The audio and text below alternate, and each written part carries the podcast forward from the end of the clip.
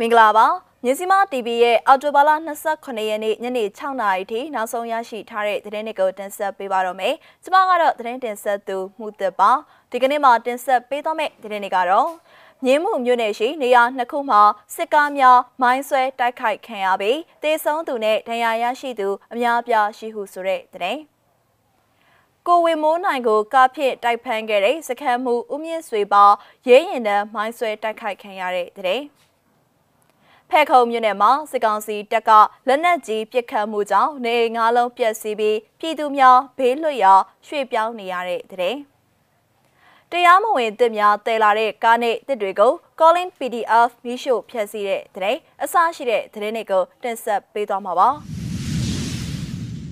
ဦးဆောင်တဲ့ကတော့စကိုင်းတိုင်းကတဲ့မှာ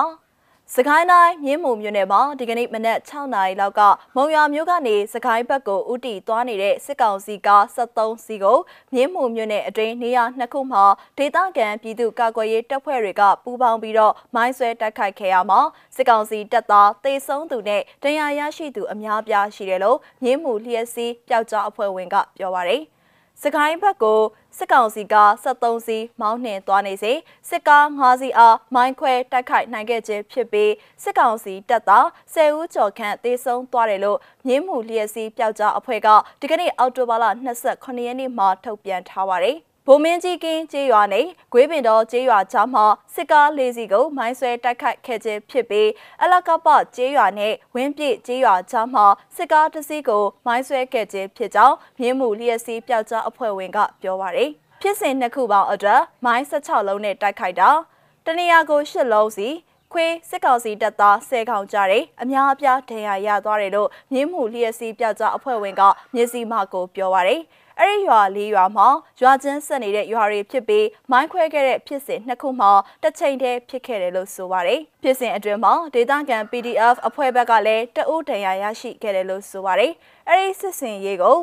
Blood Eagle Defense Force MMU အဖွဲ့ကဦးဆောင်ပြီးတော့မြင်းမှု Defense Force မြင်းမှုလျှက်စီးပျောက်ကြားအဖွဲ့ People Defense Force မြင်းမှု MMPDF မြောင်မြို့နယ်ပြည်သူ့ကာကွယ်ရေးနဲ့လုံခြုံရေးအဖွဲ့ CDSOM နဲ့မြောင် Special People Defense Force MSPDF အဖွဲ့တို့ပူးပေါင်းတိုက်ခိုက်ခဲ့ခြင်းပဲဖြစ်ပါတယ်ရှင်။ဆက်လက်ပြီးတော့ကမ်ဘလူးမြို့နယ်ကသတင်းကိုတင်ဆက်ပေးပါမယ်။ မုံရမြို့တပိတ်ခေါင်းဆောင်ကိုဝေမိုးနိုင်ကိုကားဖြစ်တိုက်ဖမ်းခဲ့တဲ့စခန်းမှုဦးမြင့်စွေနဲ့ရဲသား10ဦးမောင်းနှင်လာတဲ့စိုင်ကယ်တန်းကိုမိုင်းဆွဲတိုက်ခိုက်ခဲ့တယ်လို့ Camp Blue Underground Warriors KPU UG အဖွဲ့ဝင်တာဝန်ရှိသူကပြောပါတယ်ဒီကနေ့အော်တိုဘာလ29ရက်နေ့မနက်8နာရီခွဲမှာကမ်ဘလူးမြို့နယ်ရီတွေးကျေးရွာအနောက်ဘက်လမ်းမှာတိုက်ခိုက်ခဲ့ခြင်းဖြစ်ပါတယ်။ စခန်းမှုဦးမြင့်ဆွေနဲ့ရဲအဖွဲ့ကမနေ့ကအောက်တိုဘာလ26ရက်နေ့မှာဖြစ်ပွားခဲ့တဲ့ရီတွေးရွာလူသက်မှုကိုလာရောက်စစ်ဆေးပြီးအပြန်မှာအခုလိုမိုင်းဆွဲခဲ့ခြင်းဖြစ်တယ်လို့ KPUUG အဖွဲ့တာဝန်ရှိသူကဆိုပါတယ်။ဆိုင်ငယ်တန်းကိုလက်လုံမိုင်းသုံးလုံးအသုံးပြုပြီးခွဲလိုက်တာစခန်းမှုရဲတပ်သားအောင်နိုင်လင်းနဲ့နောက်ရဲတယောက်မြောက်တက်သွားတာကိုတွေ့လိုက်ရတယ်။အကြအဆုံးတော့အခုထိသတင်းမရသေးဘူးလို့သူကပြောပါတယ်။ မိုင်းခွဲခံရပြီးတဲ့နောက်မနက်9နာရီမှာကမ်ဘလူးမြို့ကတင်တရားစေယုံကလူမှုကူညီရေးကားဟာအဲ့ဒီရဲတပ်ဖွဲ့ကိုလာရောက်ခေါ်ဆောင်သွားကြကိုလည်းတရင်ရင်းမြစ်ကပြောပါရယ်တိုက်ခိုက်မှုအပြီးမနက်7နာရီကျော်မှာအင်အားအယောက်30ခန်းရှိတဲ့စစ်ကောင်စီတပ်သားတွေနဲ့ဒေသခံပြူစောတိအဖွဲ့တို့ပူးပေါင်းပြီးရီရွေးရွာမှာရှိတဲ့နေအိမ်၁၀လုံးကိုမိရှို့သွားကြောင်းနောက်ဆက်တွဲသတင်းတွေအရသိရပါရယ်စခန်းမှုဦးမြင့်ဆွေဟာမုံရွာအမှတ်နှစ်ရဲစခန်း စခန်းမှုအဖြစ်တာဝန်ထမ်းဆောင်စဉ်ကမုံရွာတပိတ်ခေါင်းဆောင်ကိုဝင်းမိုးနိုင်ကိုကားဖြင့်တိုက်ဖမ်းခဲ့ပြီးမေလမှာကမ်ဘလူမြို့နယ်ထန်းကုန်းရွာနယ်မြေရဲစခန်းကိုတာဝန်ပြောင်းရွှေ့ထမ်းဆောင်နေခြင်းဖြစ်တယ်လို့ဒေသခံတွေကပြောပါရယ် ရီတွင်းရွာမှာရှိတဲ့ပြူစောတိဒလန်လို့သတ်မှတ်ခြင်းခံထားရသူအသက်36နှစ်အရွယ်ရှိတဲ့ကိုပူတူကိုလည်းမနေ့ကအော်တိုဘာလ26ရက်နေ့ည9:00နာရီခွဲမှာ KBU UG အဖွဲ့ဝင်10ဦးကနေအထိတနက်ဖြစ်လာရောက်ပြစ်ခတ်သွားရမှာပွဲချင်းပြီးတေဆုံးသွားခဲ့တယ်လို့သတင်းရင်းမြစ်ကဆိုပါရရှင်။စ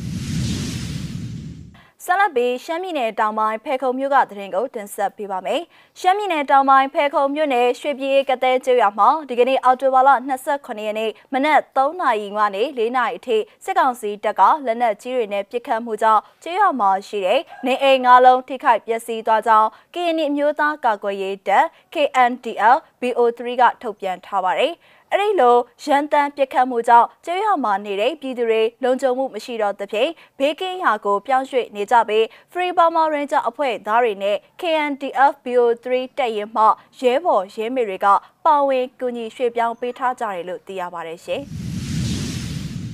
နောက်ဆုံးသတင်းအနေနဲ့တရားမဝင်တစ်များတည်လာတဲ့ကားနဲ့တစ်တွေကို Calling PDF မိရှုဖျက်ဆီးတဲ့သတင်းကိုတင်ဆက်ပေးပါမယ်။ တရားမဝင်တစ်တွေတင်ဆောင်လာတဲ့စနဘိန်းရည်နဲ့ရင်ပေါ်မှာပါတဲ့တစ်တွေကိုမိရှုဖျက်ဆီးလိုက်ကြောင်း Calling Data ကာကွယ်ရေးတပ် KLPDF ကဒီကနေ့အောက်တိုဘာလ29ရက်နေ့မှာသတင်းထုတ်ပြန်ထားပါတယ်။ Calling မြို့နယ်ရွှေဘုံမြကြီးနားကားလမ်းမှာဖမ်းမိခဲ့ခြင်းဖြစ်ပြီးနမူနာစံပြအနေနဲ့တေရောကားပါမိရှုလိုက်ခြင်းဖြစ်တယ်လို့ KLPDF ကဆိုပါတယ်။ ယခုလောက်ရက်ကိုစံပြအဖြစ်သတ်မှတ်ကတရားမဝင်လုပ်ငန်းများအားထပ်မံဖမ်းဆီးပြီးပြင်းပြင်းထန်ထန်အရေးယူဆောင်ရွက်သွားမှာဖြစ်ကြောင်းကိုလည်း KLPDF ကပြောပါရယ်တစ်တွေတင်ဆောင်မောင်းနှင်လာတဲ့ရှင်မောင်းကိုပြန်လှုပ်ပေးခဲ့ပြီးနောက်နောက်မှာတရားမဝင်တစ်ခိုးထုတ်ရှင်တွေတဘာဝနဲ့ပတ်ဝန်းကျင်ကိုပျက်စီးစေမဲ့လုပ်ရက်တွေကိုပြင်းထန်စွာအရေးယူတားဆီးသွားမှာဖြစ်ကြောင်းကိုလည်း KLPDF ကသတိပေးထားပါတယ်။ အဲ့ဒီဒေတာဘက်မှာကုန်ကားတွေတရားမဝင်တစ်ခိုးထုတ်မှုများမကြာခဏရှိနေကြောင်းကိုလည်းဒေတာခံတွေကပြောပါရရှင်။